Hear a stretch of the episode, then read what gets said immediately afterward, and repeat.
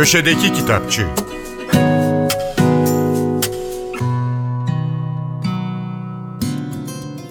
Merhaba, ben Adnan Bostancıoğlu.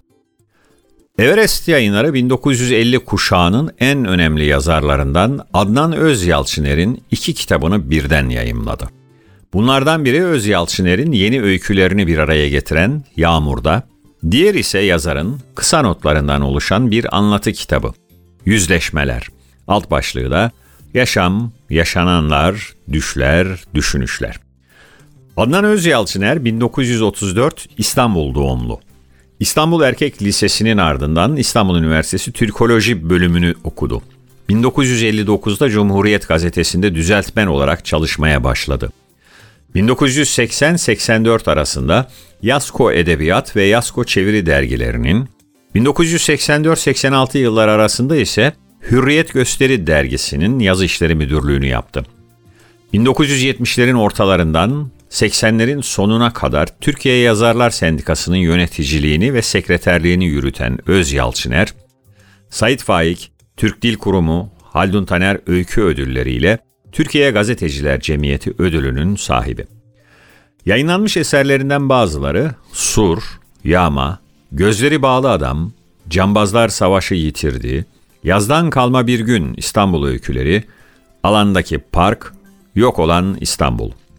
Bugün bahsini ettiğimiz Yağmur'da Adnan Özyalçıner'in 27 yeni öyküsünü bir araya getiriyor. Özyalçıner öykülerinde telaşlı sokaklardan ıssız kumsallara, kalabalık üst geçitlerden bir başına kuruyup kalan köylere, kentlerden kırlara, günden geceye uzanıyor. Yüzleşmeler ise hayatın içinden izlenimleri, düşünceleri dile getiren kısa metinler. Bu metinler Öz Yalçıner'in günlük yaşamın açmazlarından sanatın anlamına, emek dünyasının evriminden politik ekolojik sıkıntılara, aşktan yalnızlığa ve dayanışmaya uzanan bir yelpazede okurla hasbihali. İtaki yayınları korku edebiyatının başyapıtlarından birinin yeni baskısını yaptı. William Peter Blatty'nin Şeytan Çıkaran isimli romanı kısa süre önce Dost Körpe çevirisiyle yayımlandı. Şeytan Çıkaran, orijinal adıyla The Exorcist, 1970'lerin kült filmlerinden birine de konu olmuştu. William Friedkin'in yönettiği, Alan Burstyn, Max von Sydow ve Linda Blair'in rol aldığı, Türkiye'de Şeytan adıyla oynayan film gerçekten soluk kesiciydi. Şeytan Çıkaran'ın konusuna gelirsek, Chris McNeil ünlü bir oyuncudur eşinden boşanmış ve 11 yaşındaki kızı Reagan'la birlikte yaşamaktadır.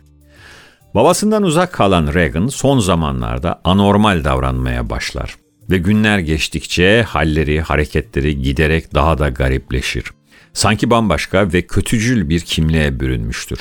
Chris bir doktora başvurur ama yıllar önce 3 yaşındaki oğlunu yanlış tedavi yüzünden kaybettiğinden tıp dünyasına karşı mesafelidir. Reagan için bir başka tedavi yolu arar ve gizemli bir cizvit rahibini yardıma çağırır. Şeytan çıkaran korku edebiyatına merak duyan ama bu klasiği hala okumamış olanları ziyadesiyle memnun edecek. Çocuk kitapları yazarı Selen Aydın'ın yeni hikaye kitabı Sıkıntıdan Patlayan Kasaba Gün Işığı kitaplığından çıktı.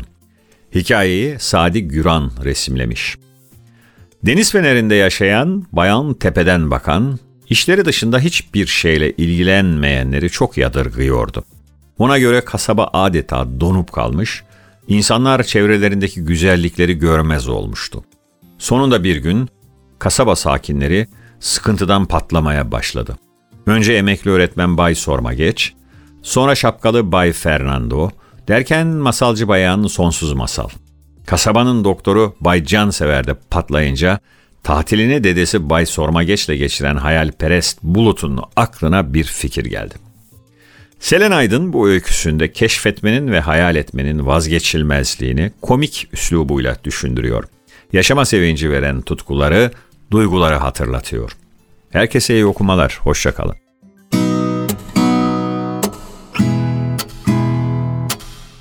Köşedeki Kitapçı